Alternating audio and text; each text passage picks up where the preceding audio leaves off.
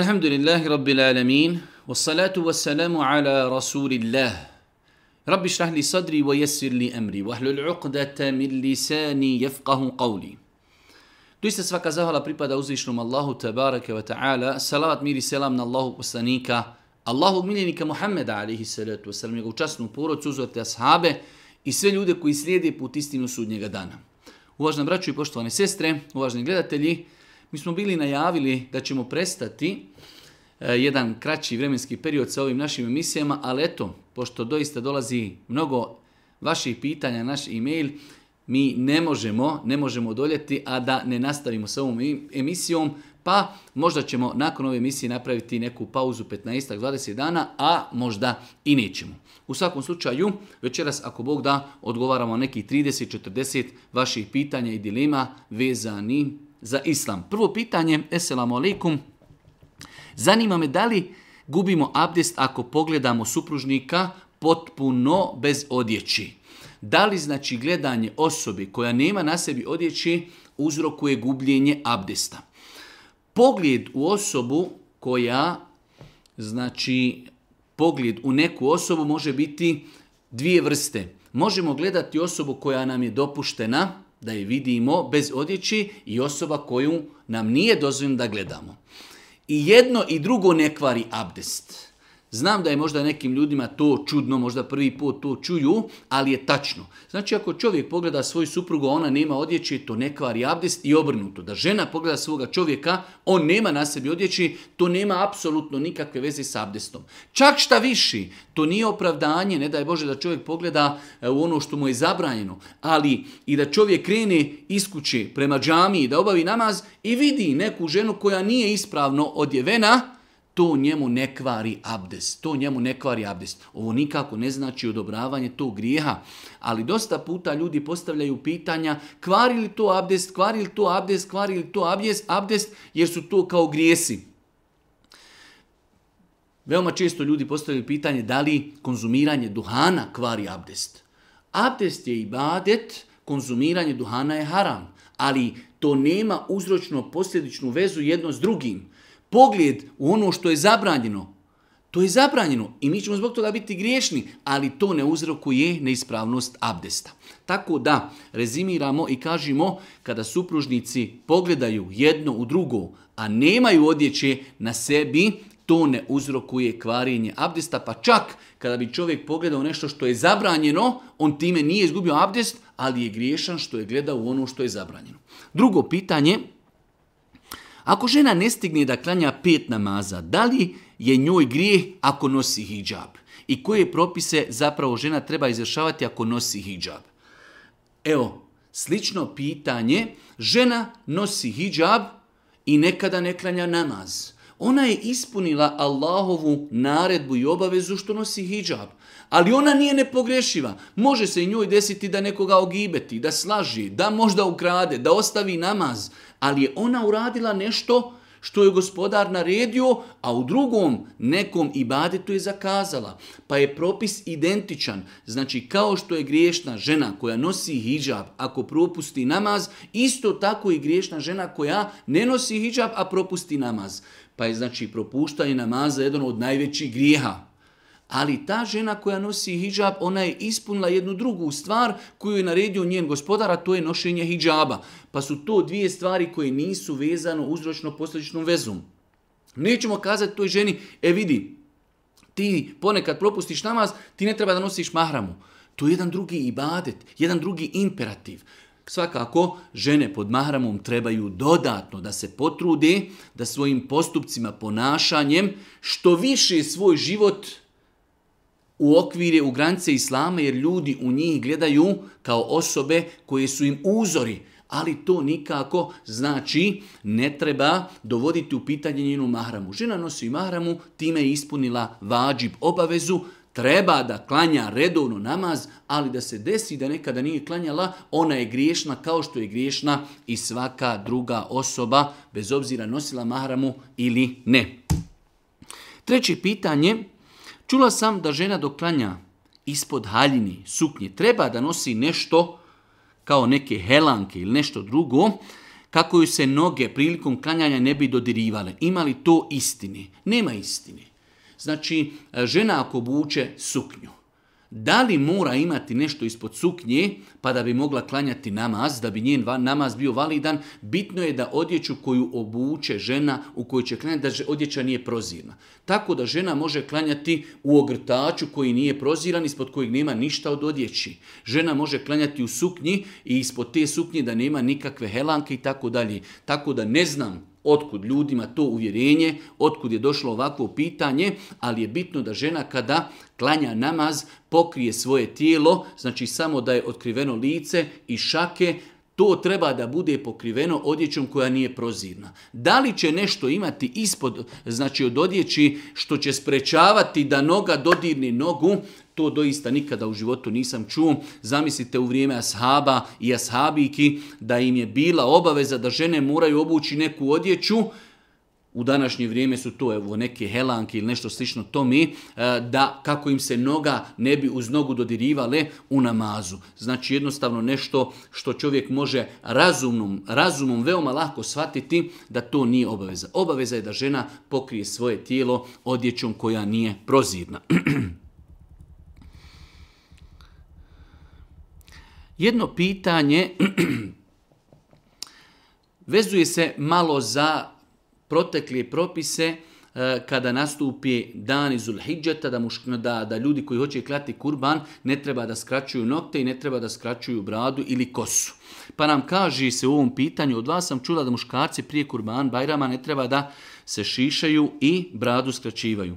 A nisam znala zbog čega. Na nekoj stranici sam pročitala da je to zbog sa osjećanosti s hađijama koji to u tim danima ne radi. A također sam pročitala da nisu zabranjeni seksualni odnosi u tim danima nama, dok hađijama jesu i zašto tu nema suosjećajnosti. Pitanje znači malo e, zašto ljudi u prvih deset dana Zulhidžeta ne krate nokte i zašto ne krate znači, kosu sa svoga tijela, s druge strane, zašto oni u tim danima mogu imati intimni kontakt sa suprugom, a ljudi koji su na hađu ne mogu? Ovdje bi se mnogo toga moglo kazati, e, ima mnogo neispravnih i netačnih informacija. Generalno treba da zapamtimo da je, da je znači, propis tačan. Osoba koja želi da e, kolje kurban, kada nastupi iz ulhidžeta, ako zna da će klati desetog dana ulhidžeta kurban, Od početka mjeseca Zulhidžeta ne treba kratiti znači e, nokte niti neke dijelove kose sa svoga tijela. Smije imati intimni kontakt sa suprugom osoba koja želi klati kurban. E, to je došlo u jasnim hadisima Božijeg poslanika. Neki učenjaci su pokušali da odgonetnu šta je razlog toga ali to je samo pokušaj. Naše je da provjerimo propis kroz hadise Božih poslanika. Poslanik je rekao ko želi da kolje kurban neka ne skraćuje nokte, ne skraćuje kožu sa svo, neka ne skraćuje kosu sa svoga tijela. Mi prihvatamo taj propis. Nigdje poslanik nije rekao zašto. To su pokušaj islamskih učenjaka. Neki učenjaci su kazali kako bi ako Bog da njegovo tijelo na dan Bajrama bilo potpuno oslobođeno od vatri, a jesu neki kazali da mi time oponašamo ljude koji su otišli na hađ. Ali nije to, ne možemo mi to odgovorno tvrditi. S druge strane, kada je u pitanju intimni kontakt, znači nikada niko od učenjaka nije zabranio osobi koja želi da E, je kurban od početka mjeseca Zulhidžeta pa do kurbana nikada niko nije zabranio da se ima intimni kontakt, pa i same hađije ne možemo kazati da u tom momentu oni, e, da je svima njima zabranio da ima intimni kontakt, odnosno znači kada ko obavlja umru i hađ i tako dalje. Uglavnom da se mnogo ne opterećujemo oko ovakvih pitanja, nama je najbitnije da zapamtimo osoba koja želi klati kurban, od početka mjeseca Zulhidžeta, 10 dana ne treba da skraćuje nokte i da skraćuje svoju kosu sa bilo kojeg dijela tijela. Smije imati intimni kontakt, znači od početka mjeseca pa sve do kurbana i tu ćemo se mi zaustaviti. Peto pitanje, je li ispravan namaz ako klanjam samo farz i poslije selama ne činim zikr? Apsolutno da. Allahu poslanik ali se letu kaže početak namaza je tekbir, Allahu ekber, a kraj namaza je selam, eselamu alaikum, eselamu alaikum. Znači osoba koja žuri, nema vremena ili iz bilo kojeg drugog razloga ne uči zikr poslije namaza, njegov namaz je validan. Znači početak namaza je Allahu Ekber, kraj namaza je Esselamu aleikum, Esselamu aleikum. Sve nakon selama je dobrovoljno, sve nakon selama je sunnet pohvalno dodatni ibadet koji nema nikakve veze sa namazom. Znači, Jasno nam je došlo u hadisima početak namaza je tekbir. Allahu ekber, kraj namaza i predavanje selama. Mi kada predamo selam, mi imamo potpuno pravo da odmah napustimo namaz, da li klanjali kod kući, da li klanjali u džematu, da li bili u džamiji, da li bio obični namaz, da li bila džuma, da li bio farz, mi predajemo selam i možemo odmah krenuti svojim obavezama i svojim poslom. Živim u Francusku, imam 10 minuta pauzi na poslu radi, radim noću, noćnu smjenu. U 12 sati i 10, znači imam pauzu. Mogu da klanjam samo farze i jedan rekiat vitara. E, svakako osobe koji radi na poslu e, trebaju da svoj posao uskladi sa namazima i ovo je, alhamdulillah, dobro da čovjek u 10 minuta pauze, ako je već imao abdest, u 10 minuta pauze klanja četiri rekiata jacije namaza i nakon toga klanja još jedan rekiat vitara i on je ispunio ono što mu je njegov gospodar naredio. E sada ostaje samo jedan moment gdje treba paziti e, po jaku mišljenju islamskoj učenjaka jacija namaz, njeno vrijeme, e, odabrano vrijeme prestaje sa polovinom noći. Sa polovinom noći. Normalno u islamu nije polovina noći svaki put u 12 na veći, jednostavno shodno znači ljeti i zimi, polovina noći se pomjera, polovinu noći ćemo odrediti od zalaska sunca do početka sabaha. Početka sabaha to ćemo popoloviti i tu nam je polovina noći. Tako da insam bez velikih nekih razloga ne bi trebao da odgađa jaciju namaz od nakon da je klanja nakon polovini noći. Tako da, znači klanjati na poslu u pauzi koja je od 10 minuta, klanjati četiri rakijata farza i jedan rekiat to je elhamdulillah više nego dobro, više nego dovoljno, samo treba paziti da se jacija klanja u jacijskom vremenu, a rekli smo jacijsko vrijeme, odabrano jacijsko vrijeme traje do polovine noći. Esselamu alaikum, razumijem da je grijeh onima koji uzimaju kamatu, a zašto je grijeh onima koji plaćaju, onima koji uzimaju? Eh, Allah vas nagradio. Eh, pitanje se postavlja, dobro, čovjek ima pare i daje ljudima kamatni kredit. On kao nama je jasno zašto je on griješan. Ali zašto je griješan onaj koji je daje? Allah poslanik u vjerodostojnom Adisu je kazao onaj ko daje kamat, onaj ko uzima, onaj ko svjedoči, onaj ko zapisuje, svi su u grijehu isti. Zašto je grijeh onome koji je uzeo kamatni kredit? Zato što je on saučesnik u grijehu. Čovjek kaže ja ne dam osim kamatni kredit. Ti kažeš ja neću onda uzeti. Kada bi se svi tako na planeti ponašali, ljudi bi prestali prestali da daju kamatne kredite. Ali sve dok ima nas koji uzimamo kamatne kredite, oni će i davati. Pa je Allah poslanik u vjerodostojnom Madisu kazao, znači, i čovjek koji daje kamatu i koji uzima kamatu i onaj ko svjedoči i onaj ko zapisuje, svi su, kaže, u grijehu isti hadis je vjerodostojan. Tako da e, razlog zašto su i jedni i drugi u grijehu, zato što učestvuju, potpomažu se u grijehu. Čovjek kaže, ja dajem kredite samo kamatni. Ja kažem, neću uzeti. Ali ako ja uzmem, ja sam prihvatio da budem dio tog grijeha. Pa su znači prema islamu e, i onaj ko daje kamat i onaj ko uzima, obojica su, obojica su griješni.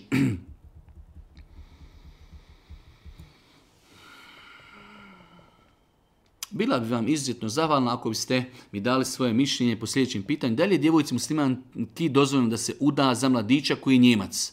Katolički vjeroispjete ako bi prije vjenčanja izgovorio šehadet i prešao na islam, radi njene ljubavi. Ovo je problem. Kaže djevojka, je li meni dozvan se udam za čovjeka koji je Njemac, katolik, on će primiti islam, radi čega? Radi ljubavi prema toj ženi.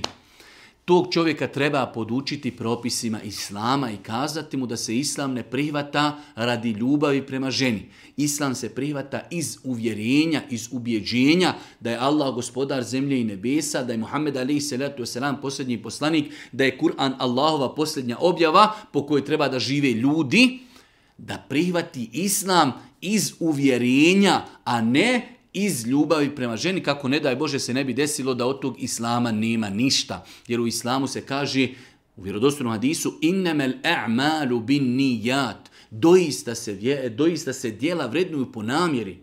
Pa želimo tog čovjeka, ako već prihvata islam, da ga prihvati iz ličnog uvjerenja da je islam istina, da je Allah Želešanuhu istina, da je Muhammed a.s.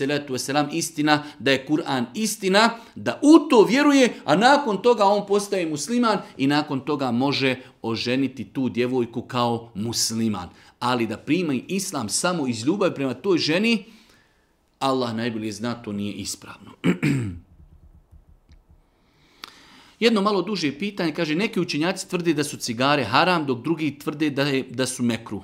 Moje mišljenje da su cigare mekruh i onda nakon toga čovjek navodi poznate oni, hajde da kajemo nejasnoće, i u Coca-Coli ima štetnosti i u čemu još i u kafi ima štetnosti i tako dalje, a niko od učenjaka ne kaže da je kafa haram, niti da je Coca-Cola haram, zašto kazivati da je duhan haram, a ove stvari nisu haram ako i one šteti. E, prva stvar, e, nije tačna konstatacija da ima učenjaka koji kažu da je duhan mekruh. Nije mi poznato da postoji alim na svjetskoj sceni koji nosi s pravom titulu riječi alim da kaže danas da je duhan mekruh.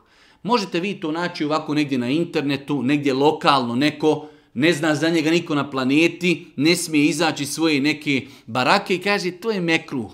Izaći javno i kazati ja, alim, taj, taj, tvrdim da je duhan mekruh, to danas ne postoji. Danas je konsenzus islamskih učenjaka da je duhan e, da je haram iz razloga što šteti, što je to bacanje novca i što je to uznemiravanje drugih osoba. E sada, definitivno da postoji doza štetnosti u Coca-Coli, doza štetnosti u kafi. Ali ta doza štetnosti nije ni približno, ni približno velika. Kada se čuli da kaže se čovjek je umro od konzumiranja, od konzumiranja coca cola A koliko ljudi dnevno umire od konzumiranja duhana? Ili kada ste čuli da čovjek kaže umro čovjek od konzumiranja je dobio rak ovoga, rak pluća, rak grla i tako dalje. Da, postoji doza štetnosti, ali ta doza ne ide do te mjere da bi zbog nje učenjaci kazali da je to haram. Postoje mnoge stvari u našem okruženju koje mi konzumiramo u današnje vrijeme u kojima ima doza štetnosti, ali je, hajde da kažemo, doza štetnosti malehna, nije na tom stepenu da bi se zbog nje kazalo da je određeno konzumiranje određenih artikala haram. Zato znači prva stvar, Danas ne postoji alim, na svjetskoj sceni koji kaže da je duhan e, mekruh, duhan je haram zbog štetnosti, zbog uništavanja imetka i zbog uznemiravanja drugih osoba. Za razliku od spomenutih stvari kao što je Coca-Cola ili kao što je e, kahva, koji možda u sebi imaju određenu dozu e, štetnosti, ali ta štetnost nije tolika da bi se za nju kazalo da je toliko velika da uništava ljudske živote.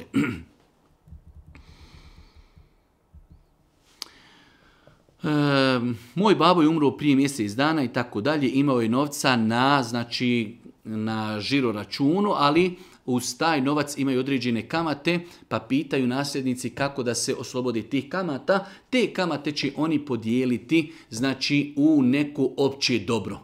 Mogu se čak dati i siromasima znači te kamate će oni, te kamate će oni e, dati u neke opće dobro u izgradnju nekih puteva ili nešto slično tome, pa čak dio učenjaka je dozvolio da se to da sirotinji, a imat ćemo jedno drugo pitanje, e, čak imam neveju Rahmetullah Alihi navodi i da nema smetnje čak da se da i u izgradnju džamije, jer je to opće dobro za muslimane. Tako da, znači neće uzimati sebi te kamate, oni će ih se osloboditi na način da će ih udijeliti u neki hajr. Buni me to, zabranjeno imati slike na zidu i tako dalje, e, na kojima su naskana živa bića, a dozvoljeno imati preparirane životinje. E, prva stvar, da, e, tačno je mišljenje da je dozvoljeno imati preparirane životinje, životinje koje su za svoga života bile čiste, čija koža se može očistiti štavljenjem ali isto tako bio je dio učenjaka koji smatrao da se znači e, da nije dozvoljeno držati uštavljene, da nije dozvoljeno e, držati priparirane životinje. Ali je tačno mišljenje inšal da nema smetnje imati pripariranu životinju u kući ako je ta životinja za svoga života mogla da se zakolje i mogla da se jedi. Ako je njena koža čista.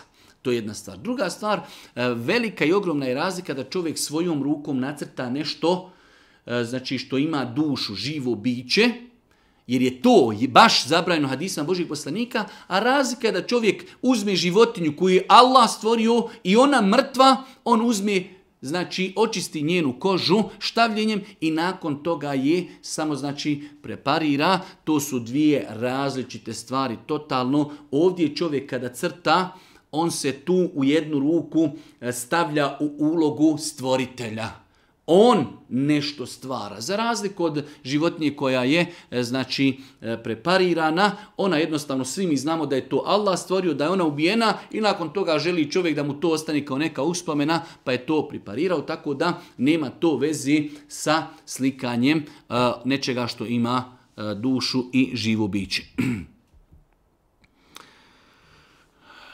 Da li je ispravno učiti fatihu na čašu vode pa popiti istu? Nema inšala bizna nikakve smetnje da čovjek uzmi čašu vode, na nju prouči nešto od Kur'ana, u ovom slučaju Fatihu, kule uzubi felak, uzubi nas, huvalla, kursi, ili bilo šta od Kur'ana, jer cijeli Kur'an je lijek da prouči iznad čaše vode, a nakon toga da popije tu vodu. Nema inšala ništa u tome, sporno velik broj učenjaka je dozvolio da se znači na vodu uči, nakon toga može tu vodu popiti sam čovjek, a može je dati nekome drugom koji je bolestan, koji ima određene tegobe, da ako Bog da to i njemu koristi. Tako da ne treba se ograničavati samo na određenu suru, ali ako bi se čovjek ograničio samo na neku suru, nema u tome inšala ništa sporno da čovjek uzme iznad čaši da uči, kada završi učenje da bez pljuvanja, već da pljucne zrak samo u tu čašu.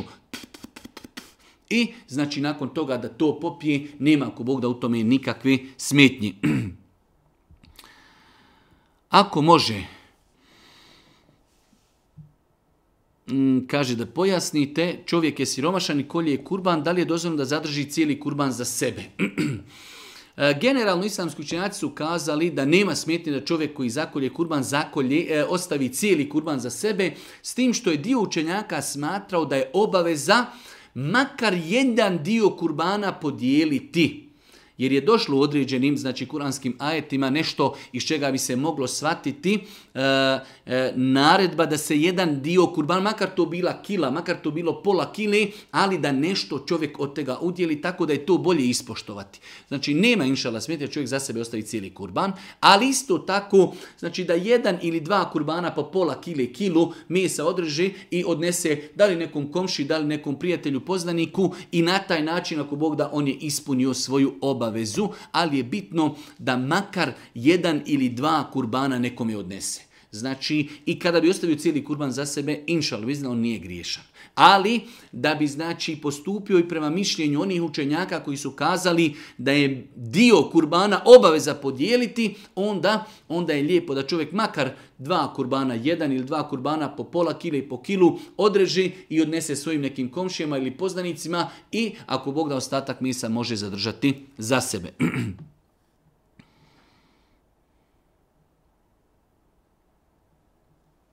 Imamo jedno malo duže pitanje iz Prijepolja i Sanđaka, ali pitanje, znači rezime svega toga da sam ja nekada pisao na internetu kako ljudi Ehm, snimao sam klip na kojim sam podučavao ljude kako se klanja, pa na tom videoklipu nisam dizao ruke kako se ljudi ne bi zbunili, pa nam je došla kao ideja zašto muslimani se ne ujedine, zašto ne budemo svi jednobrazni. Nema potrebe da očekujemo od svih muslimana svijeta da budu jednobrazni.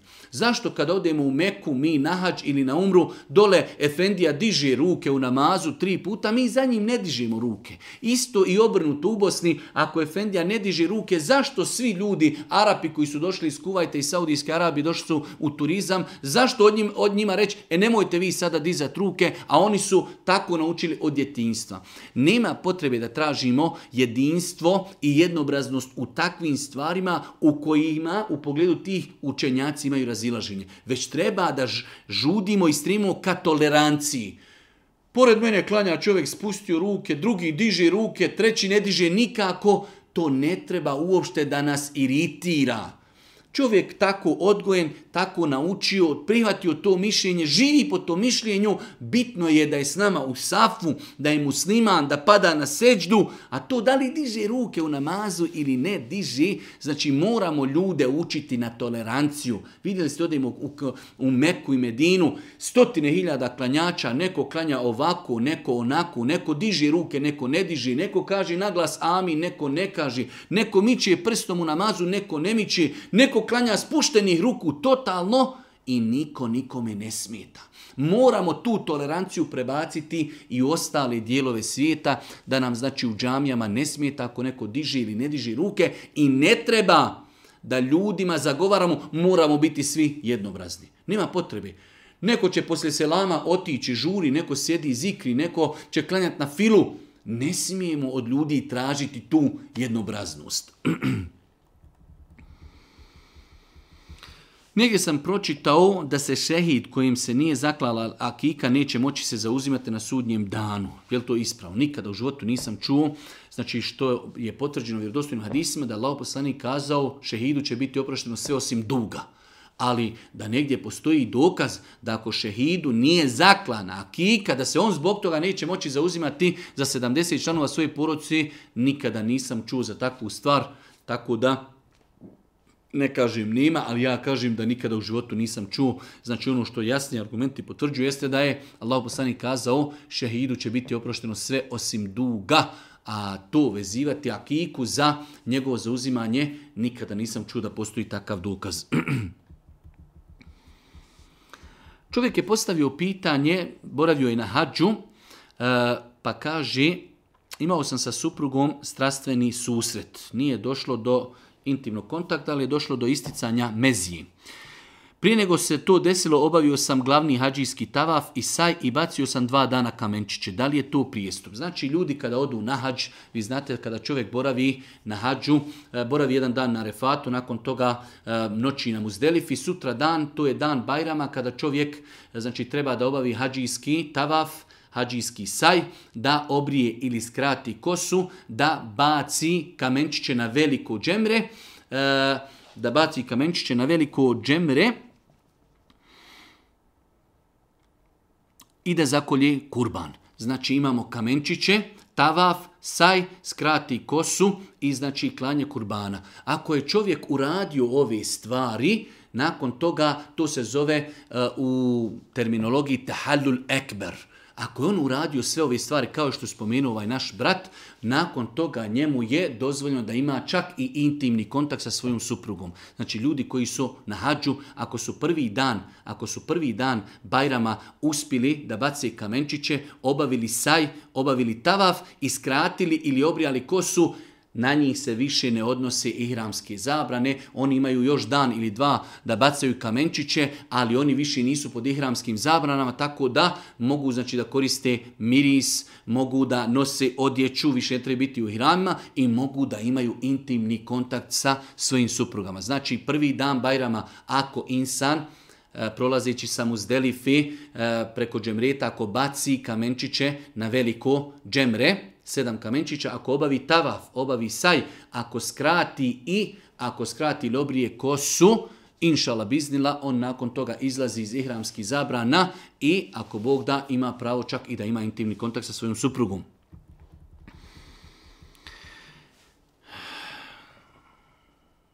Naime, s ocem sam u Turskoj. Tu planiram da budemo inšal 25 dana, obilazići neke gradove. Je li meni dopušteno da spojim i skratim namaze ili da klanjam svaki namaz u njegovom vremenu? E, ja sam generalno stava da čovjek ako putuje, ako putuje makar putovao mjesec ili dva, sve dok se ne vrati na svoju adresu, on je musafir. Tako da u ovoj situaciji osoba koja je otišla i boravit će u Turskoj 25 dana, hodajući, obilazići različite gradove, u svemu tome on je musafir može kratiti namaze, ako ima potrebu može i ispojiti.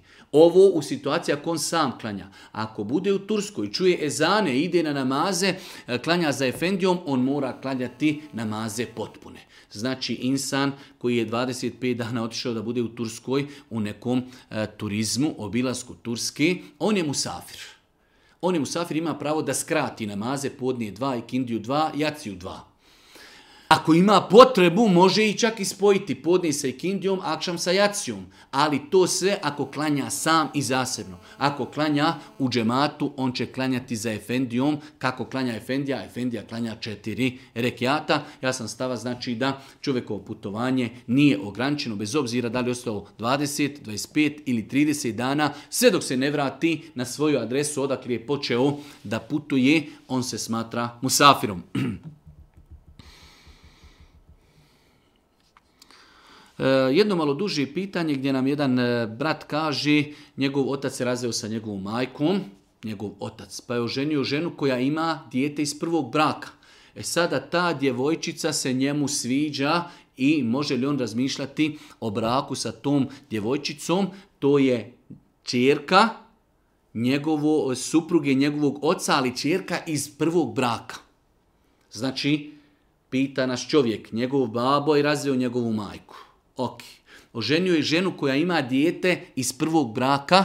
Može li on stupiti u brak sa tom njenom e, čirkom iz prvog braka? Apsolutno da. Apsolutno da. Kada bi ta žena dobila čirku sa njegovim ocem, to je njegova sestra. To je njegova sestra i on ne može sa njom apsolutno da stupi u brak jer to je njegova sestra. Ali njena čerka iz prvog braka njemu ni po kakvoj osnovi u islamu nije zabranjena. Znači, ta žena bila udata za nekog čovjeka, dobila sa njim dijete. Njegov otac bio oženjen sa njegovom majkom i dobili dijete. Nakon toga njih dvoje stupili zajedno u brak. Njihova djeca mogu da stupaju u brak iz prvog braka. Ako dobiju međusobno djecu, znači ako bi dobio sa tom ženom dijete, ono je njemu, ono je njemu znači sestra ili brat. Tako da, znači ako čovjek oženi ženu, on ima dijete iz prvog braka, ona ima dijete iz prvog braka, ta njihova djeca iz prvog braka mogu međusobno stupati u brak. da li je zabranjeno davati mački da jede kurbansko meso? Nije. Nije zabranjeno, pogotovo ako se radi o nekim, da kažemo, nekim ostacima kurbana koji čovjek možda ne bi ni koristio. Imamo neki lojeva i neki žlipa i neki stvari koje čovjek neće apsolutno ni pojesti. Takve stvari se apsolutno mogu dati životinjama ili macama ili psima a isto tako da se pravo kurbansko meso da mački ako Bog da nije to zabranjeno s tim što čovjek treba da pazi da ne daj Bože ne odi u rasipništvo pa da meso koje možda neko očekuje i gladan je mi ga dajemo mačkama ali generalno ako bi se dalo i kurbansko meso normalno klasično kurbansko meso životinji nije se napravio nikakav grijeh pogotovo rekli smo ako se radi o nekim eh, ostacima kurbanskog mesa koji čovjek ne bi nikako ni konzumirao da li su to neki lojevi da li su to neke e, ili već nešto slično to mi nema smetnje da se to da psima i da se da mačkama ili nekim drugim životinjama. Zanima me kako, kada nastupa zadnja trećina noći i kako to izračunati. E, znači, mi znamo da e, u zadnjoj trećini noći, kao što je došlo u vjerodostojnom hadismu, uzvišnji Allah je tala spušta se na dunjalučko nebo i govori ima li neko da nešto traži pa da mu dam, ima li neko ko moli oprost grijeha pa da mu oprostim grijehe. Zbog toga je bitno znati odrediti zadnju trećinu noći. Kako ćemo odrediti zadnju trećinu noći? Period od zalaska sunca. Kada bi kazali, evo sunce zalazi u 8 sati na veći, kada bi rekli u 8 sati na veći, period od 8 do pojave zori, do nastupanja sabaha. Taj period prebrojimo sate i podijelimo na tri. Onaj rezultat kojeg dobijemo, to je trećina noći. Ako bi rekli da period od e, akšama pa do pojave sabaha je 9 sahata.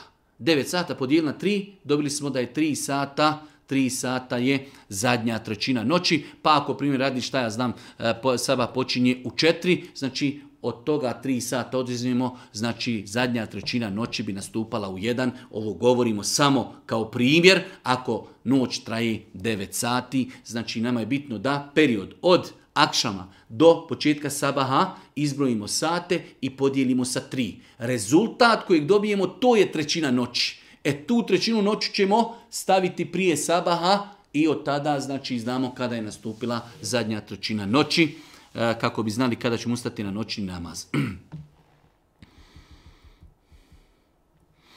Imam problem sa jednim mačkom koji konstantno pravi probleme oko moje kuće i napada moju mačku i tako dalje. Pitanje je kako se riješiti maci ili mačka koji napada našu privatnu mačku, e, a to je nečija mačka koja je puštena, e, možemo li mi uzeti tu mačku i odnijeti na drugi dio grada i tamo ju ostaviti hrani kako ona ne bi, ne daj Bože, uginula, ali da se riješimo njenog uznemiravanja, nema ništa u tom sporno. Znači da čovjek uzme neku e, lutalicu, životinju koja nije ničije vlasništvo, koja uznemirava njega i njegovu porodicu, da je uzme i da je odvede negdje gdje ona može preživjeti, znači i na drugom dijelu grada ona ima hrane, ima pića, ima vodi, ali da je malo udaljen od nas kako nas ne bi uznemiravala, nema ništa širijetski sporno u tome da čovjek uzme neku e, životinju koja nije ničije vlasništvo, da li se radilo o psu, da li se radilo o mački, da je uzme u neku kesu, u neki džak, odvuče, ako je to veliki neki grad, odvuče 15-20 km, tamo i negdje ostavi na mjestu kod nekih kontejnera gdje ima neke hrane, gdje je neka, neka deponija, gdje ima hrane, gdje ima vode, gdje ima drugih životinja, on nije napravio nikakav šerijetski prekršaj. Da li je dozvoljeno klanjati jaciju nama sat i po poslije akšama? Postoje fetve od fetve El Emina, Eh, za fetve u Bosni i Hercegovini eh, koji se mogu naći na, na oficijalnom sajtu Rijaseta u kojima spominje fetva ili emin da je dozvoljno klanjati jaciju onako kao što kod nas narod naziva tu jaciju travničku jaciju. Ta jacija je inšala ispravna, pogotovo u slučajima ako se klanja u džematu kada znači saha tipu, nakon akšama uči se ezan, pa dok se uči 3-4 minute, pa se klanjaju suneti isto desetak minuta, nakon toga se klanja jacija, to ispadne da se jacija klanja sahati 45 minuta nakon eh, akšama, što je definitivno inšala biznila ispravno. Tako da osobe koje imaju potrebu, koje žure ili, ili iz nekih drugih razloga, ako klanjaju jaciju, eh, znači jaciju u ljetnom periodu, sat i po, sat i 45 minuta nakon akšama, inšala biznja njov namaz je validan i ispravan.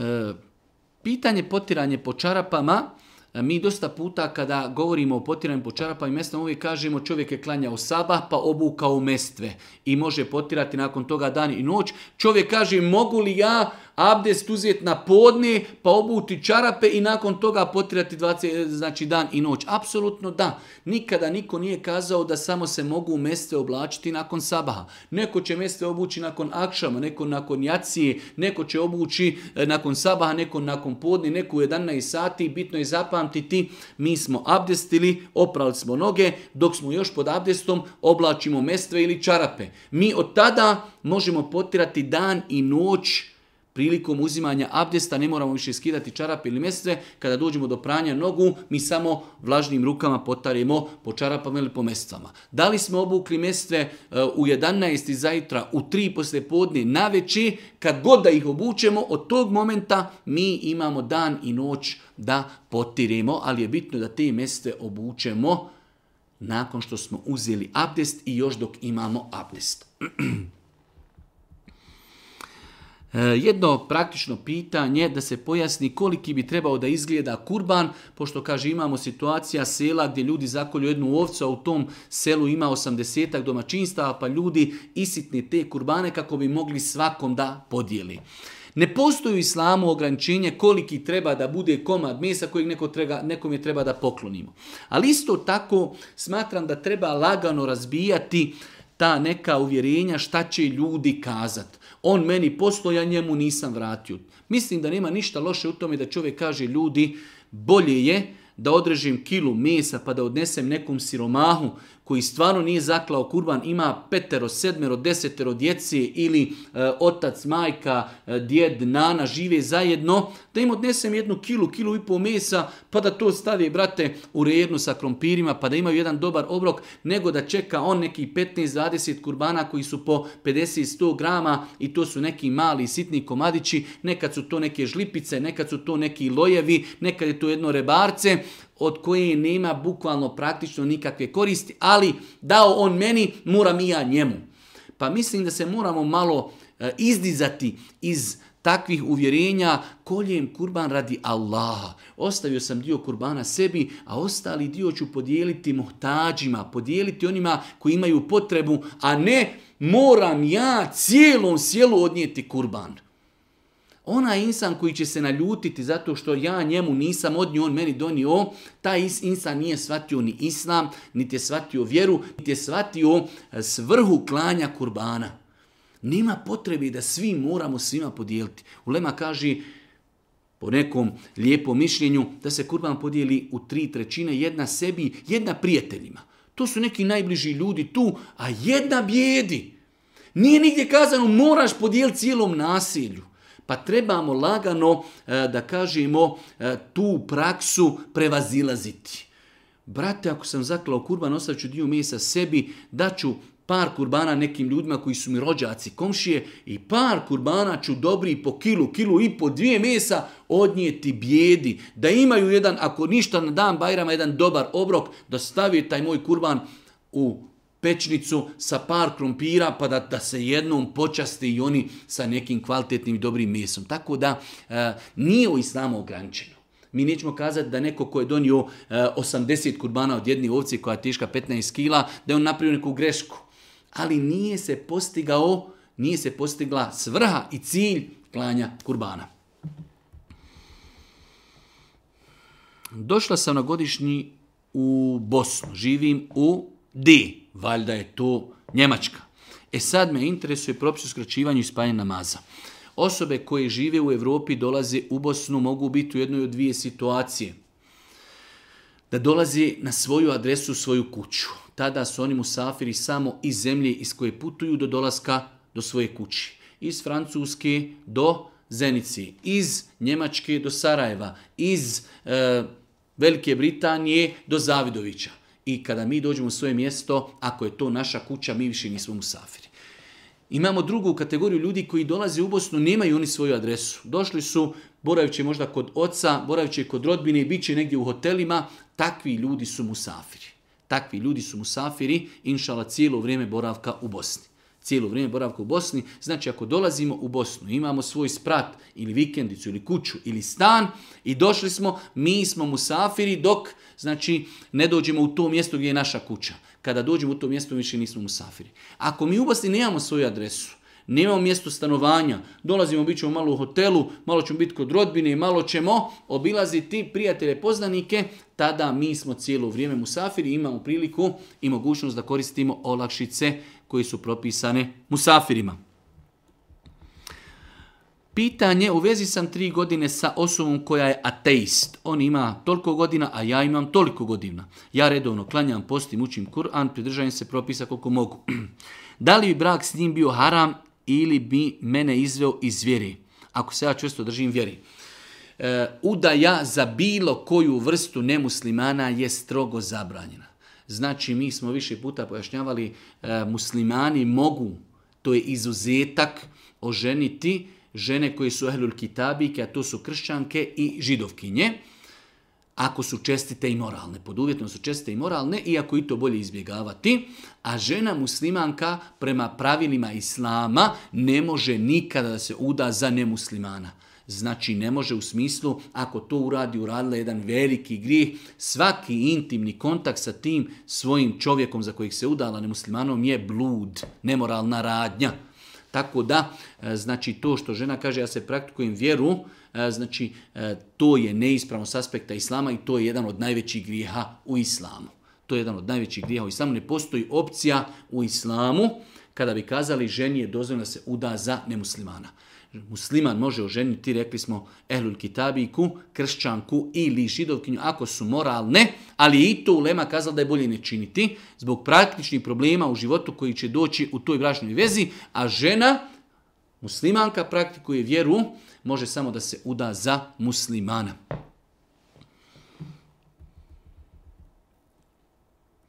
Čula sam da ako kurbansko meso jede onaj ko pije alkohol, da ona osoba koja ga je, koja kolje nema nikakav hajr od toga.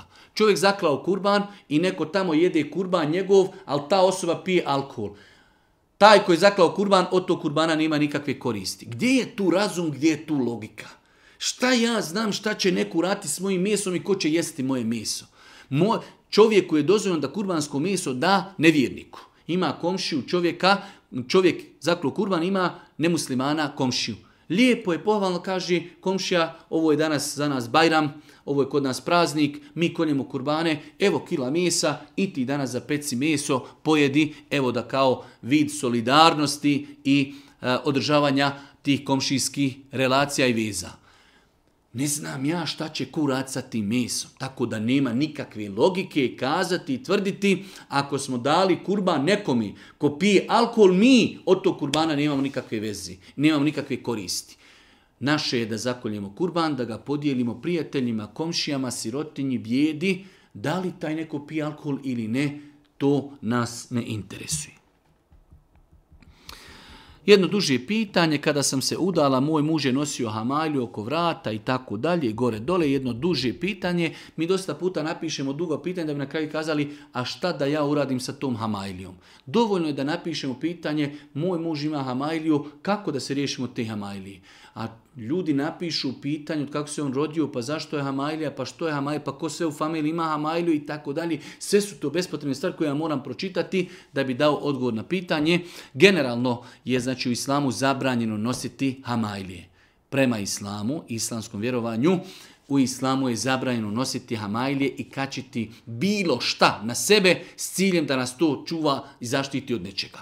Kako uništiti hamajlju? Jednostavno razmotati je i zapaliti najjednostavniji način razmotati zapis, razmotati talisman ili bilo koju hamajliju ili amulet, bilo šta, zapaliti i mirna bosta.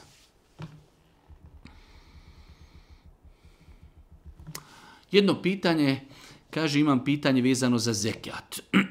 U svakom slučaju, opet rezime pitanja, čovjek je davao zekijat, ali ga obračunavao na način da čekao bi da imetak pregodini, pa bi davao a, eh, zekijat na imetak kojeg je imao prošle godine, što je neispravno. Znači, musliman daje zekijat na imetak trenutni, po dva uvjeta. Da je taj imetak dostigao nisab, i da je pregodinju. Kada imetak pregodini mi dajemo na imetak kojeg trenutno imamo. Može se desiti da smo prošle godine imali 10.000, sada imamo 50, 150. Pa je nelogično da dajemo zekijat na imetak kojeg smo imali prošle godine. Prošle godine, evo rečemo, o prvog šestog mi smo dostigli nisab. I čekamo sljedeće godine prvi šesti, hijđretski svakako, prvi šesti hijđretski, Nikada nam novac nije padao ispod nisaba, a mi sada imamo 150.000. hiljada. Mi nemamo nikakve veze sa onih 10 početnih hiljada, mi dajemo novac na E, zekat na novac kojeg posjedujemo trenutno. Tako da znači dva su glavna uvjeta, pregodinjavanje, da je novac pregodinio i da je dostigao nisab i da nikada tokom godine nije padao ispod nisaba. Jedno malo i čudno pitanje, ali i interesantno, u vezi s djeci sa posebnim potrebama, tipa autizam, epilepsija, zašto su takva djeca stvorena na ovom svijetu? gdje ih niko ne gleda i svi bježe od njih i tako dalje. Jedno pitanje koje ukazuje da osoba nije spoznala osnovna temeljna načela vjeri Islama. Uzvišeni Allah subhanahu wa ta'ala radi šta hoće i stvara šta hoće. Čini šta hoće, a sve što uradi gospodar ima svoju mudrost. Jer je uzvišeni Allah jedno njegovih imena El Hakim, Isto je pitanje, a zašto ratovi, a zašto bijeda, a zašto je neko sakat, šta bi mi da svi budemo lijepi, da svi budemo za mis svijeta, da niko nema problema, da niko nije iskušan, da svi imamo poslove, da se nikome auta ne kvari, da nikog ne boli glava. Kao što je iskušenje to dijete koji ima autizam, nekom je veće iskušenje što ga boli glava. nekom je veće iskušenje što, e, što je možda crne boje njegova koža. nekom je veće iskušenje što nije inteligentan. nekom je veće iskušenje e, što i tako dalje. Ne smijemo gledati na stvari na takav način. Sve što je uzvišeni Allah stvorio ima svoju mudrost, pa i dijete koji ima autizam ima, ima razlog zašto je stvoreno nekada je stvoreno da se vidi kako će se ono ponašati. Drugo, nekada je stvoreno da se vidi kako će se njegovi roditelji ponašati. Hoće li biti zadovoljni Allahom odredbom? Hoće li saburati? Hoće li psovati i vrijeđati Boga? Ili će očekivati njegovu nagradu? Nekada su takve osobe stvorene da budu ibret drugim ljudima. Da insan koji je zdrav pogleda tu, insan kaže, ja rab leke alhamd, vidi kako si mene gospodaru stvorio u najljepšem obliku, a vidi kako je on bolestan. Pa neću alkohol, neću kladioncu, idem redovno klanjati namaz, jer si me gospodaru stvorio potpuno i savršeno, a njemu uskratio neke blagodati. Pa osobe koje su bolesne, stvorene su iz razloga. Ima to svoju mudrost, naše je da vjerujemo u Boga, da vjerujemo da je savršen, da je potpun i da sve ima svoju mudrost. Možda to dijete bude razlogom da njegovi roditelji uđu u džennet. Jer možda da nije bilo tog djeteta, možda bi bili oholi, možda bi bili gordi, možda bi bili u kafani, možda bi bili u kladionici, možda bi bili najveći prevaranti. Ali zbog svog tog djeteta i pažnje prema njemu i brige o njemu, Allah ih sačuvao, podario im uputu. Pa insan mora na stvari gledati mnogo širi od ovih pogleda što je Allah stvorio osobe koje imaju epilepsiju i koje imaju i koje imaju autizam. Zar se ne trebamo sjetiti one žene koja dolazi Božim poslaniku, kaže ja imam epilepsiju, dovi Allah da me izliječi. Kaže Allah poslanik, hoću, doviću, ali ako se strpiš ti ćeš dobiti džennet. Kaže, strpiću se. Allahu ekber, ima epilepsiju putem koje će zaraditi džennet. I mi kažemo što je Allah stvorio osobu sa epilepsijom. Da zasluži sebi džennet. Da njeni roditelji se strpi na tu epilepsiji pa da zaradi i oni džennet. Da ljudi koji vide tu osobu bolesnu da sami kažu Elhamdulillah kako sam ja zdrav. Pa ću cijeniti Allahove blagodati i Allahove nijamete.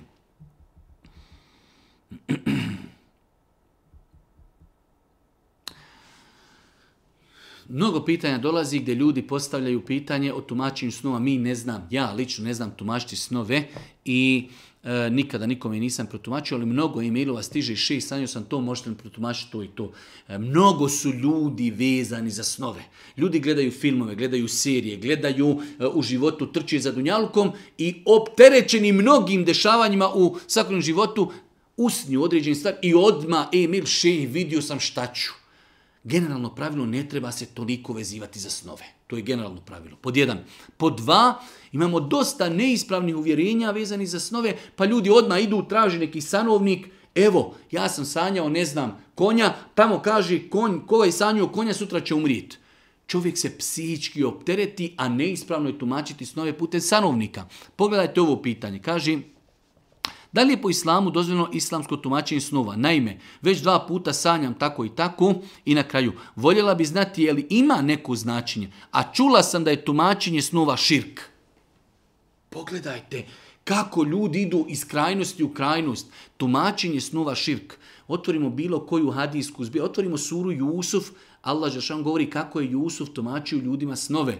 Poslanik Ali Selam je imao običaj sjeti sa sabama posle sabah namaza, pa bi ih pitao ili ko šta sanjao, pa oni kažu jesam ja, on im tumači snove. Ali pogledajte šta je naše neznanje da ljudi dođu u situaciju i kažu da li je tumačenje snova širk. Nije tumačenje snova širk, ali da bi neko tumačio snove mora biti kompetentan. Tumačenje snova je e, dar od Allaha. To se ne može naučiti. Ne možeš ići na fakultet, nakon fakultetka ja sad znam tumačiti snove. To ne postoji.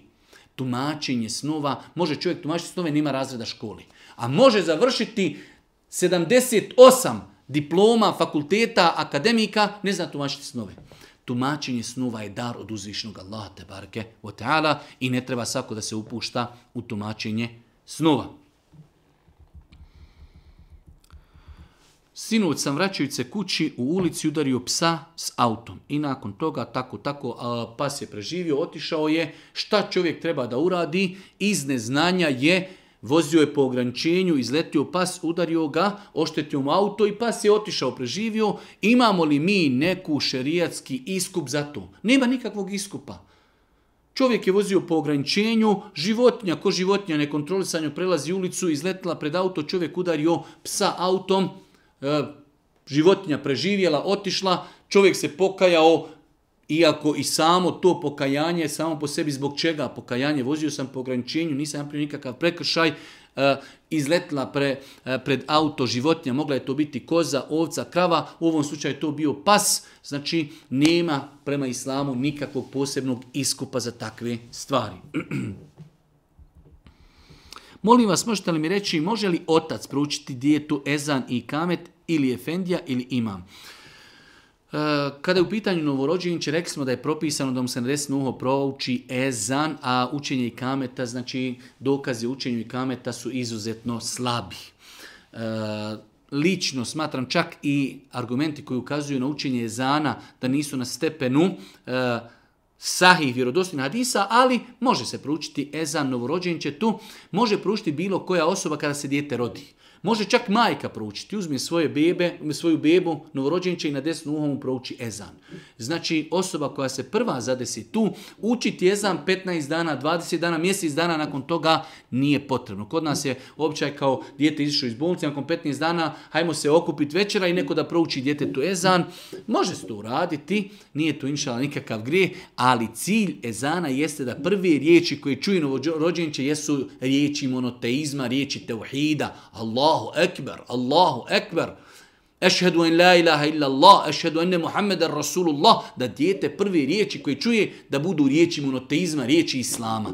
Može i proučiti doktor, doktorica, majka, otaca koji je prisutan, bilo ko da je prisutan može dijete tu na desno uho proučiti ezan. Da li smo dužni mi kao roditelji klati kurban i za dijete koje još uvijek utrobi majki? Nema potrebe da se E, poseban kurban kolje za dijete koje se još nije rodilo. Znači, generalno smo rekli, kurban se kolje za cijelu porodicu.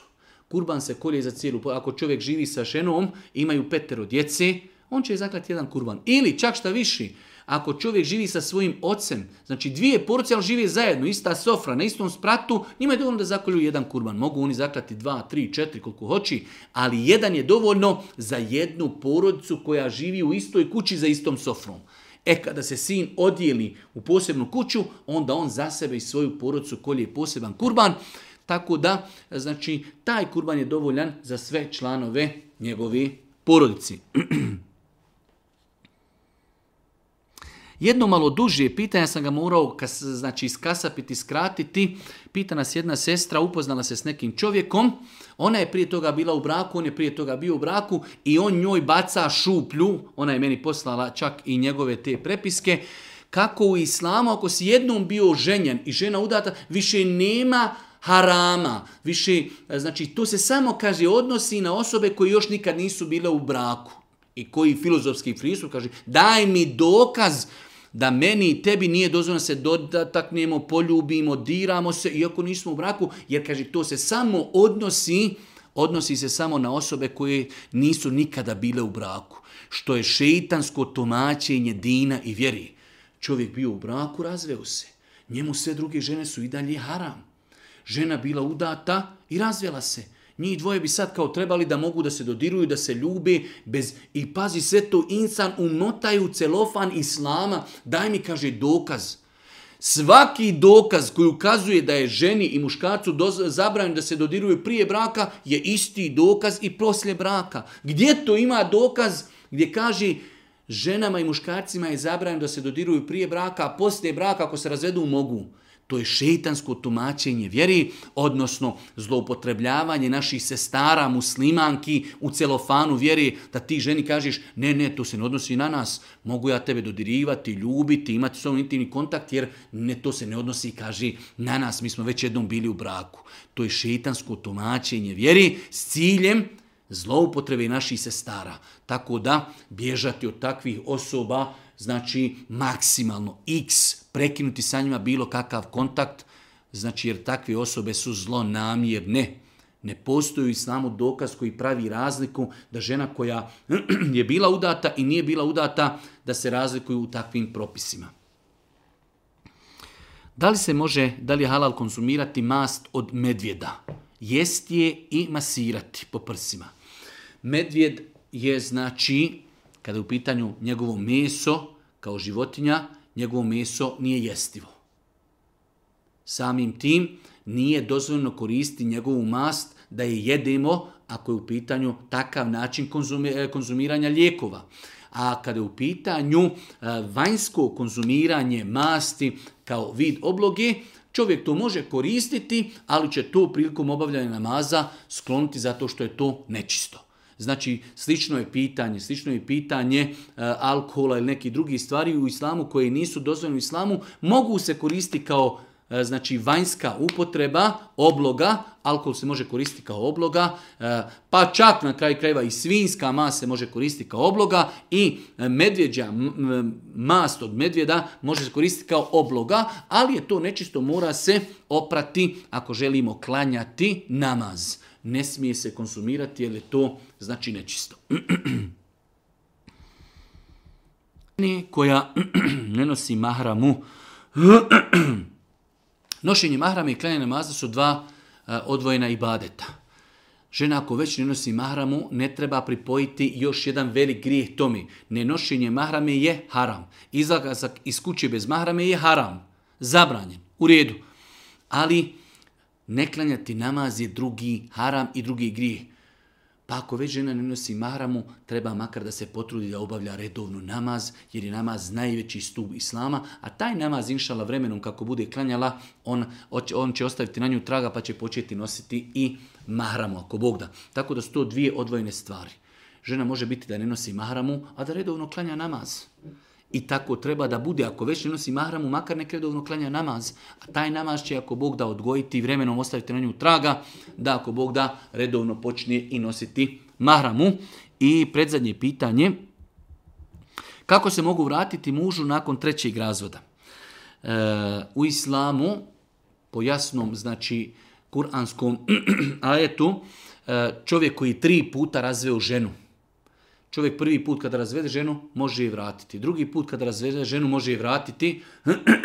Treći put kada razvede ženu čovjek više ne može tu svoju ženu vratiti dok se ta njegova žena ne uda za nekog. Ali se uda stvarnim i pravim brakom. Ne samo da bi ostvarila brak kako bi se njemu vratila. Ne. Udala se žena, želi da živi s tim čovjekom. Mora sa tim čovjekom drugim imati intimni kontakt. E nakon toga u životu ako se desi da je taj njen muž razvede, i ona istekne joj idet priček, nakon toga se može vratiti svom prvom mužu. Pogledajte kako je islam savršen i potpun. Nema igranja i zezanja sa razvodom braka.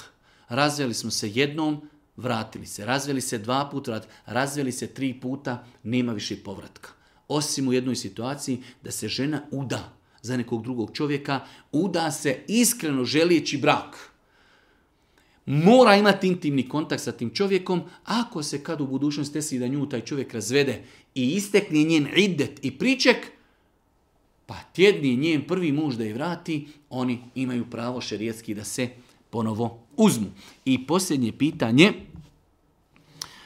savjet kako čuvati pogled u ovim teškim vremenima razvrata i razgoličenosti.